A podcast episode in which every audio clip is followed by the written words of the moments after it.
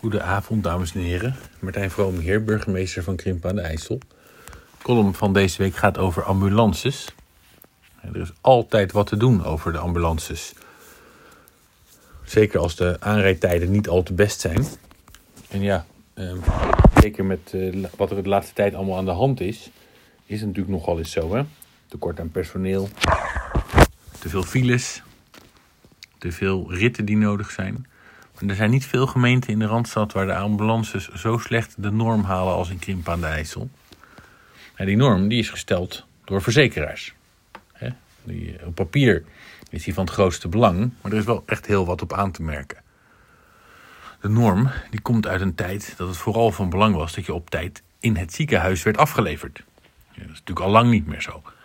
Tegenwoordig is een ambulance een rijdend ziekenhuisje. Het personeel is ook net zo hoog opgeleid ja, ze worden wel afgerekend op de norm. Maar door wie dan? Ja. Gemeenten gaan niet over de ambulance.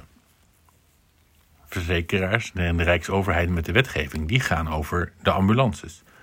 In onze regio, de Rijnmond, zijn ambulances wel ondergebracht bij de veiligheidsregio, maar wel in een aparte organisatie.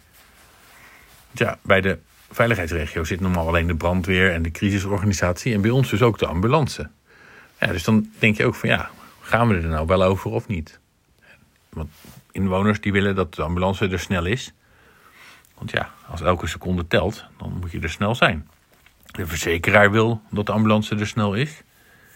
En de ambulance mensen zelf willen dat ze er snel zijn. Maar ja, het budget wordt niet door de gemeente en ook niet door de veiligheidsregio betaald. Ook niet de Rijksoverheid. De verzekeraars betalen. En ook nog eens in elke regio weer andere verzekeraars. Dus dat maakt aansturing ook moeilijk.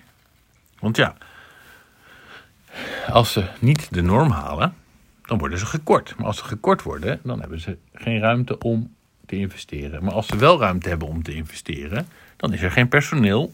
Dus halen ze de tijden niet. En ook nog eens zeggen we verkeersveiligheid. Ja, drempels, 30 kilometer zones. Dat kan niet zomaar. Nou, zegt dan het RIVM, dan passen we de normen ook aan. Dus mag je meer ritten betaald krijgen omdat je dan vaker moet rijden, omdat er 30 kilometer zones zijn en dan ben je langzamer op je plek van bestemming. Maar als er geen personeel is, dan kun je wel zeggen het wordt in de norm meegenomen. Maar ja, er is geen ambulance die kan rijden.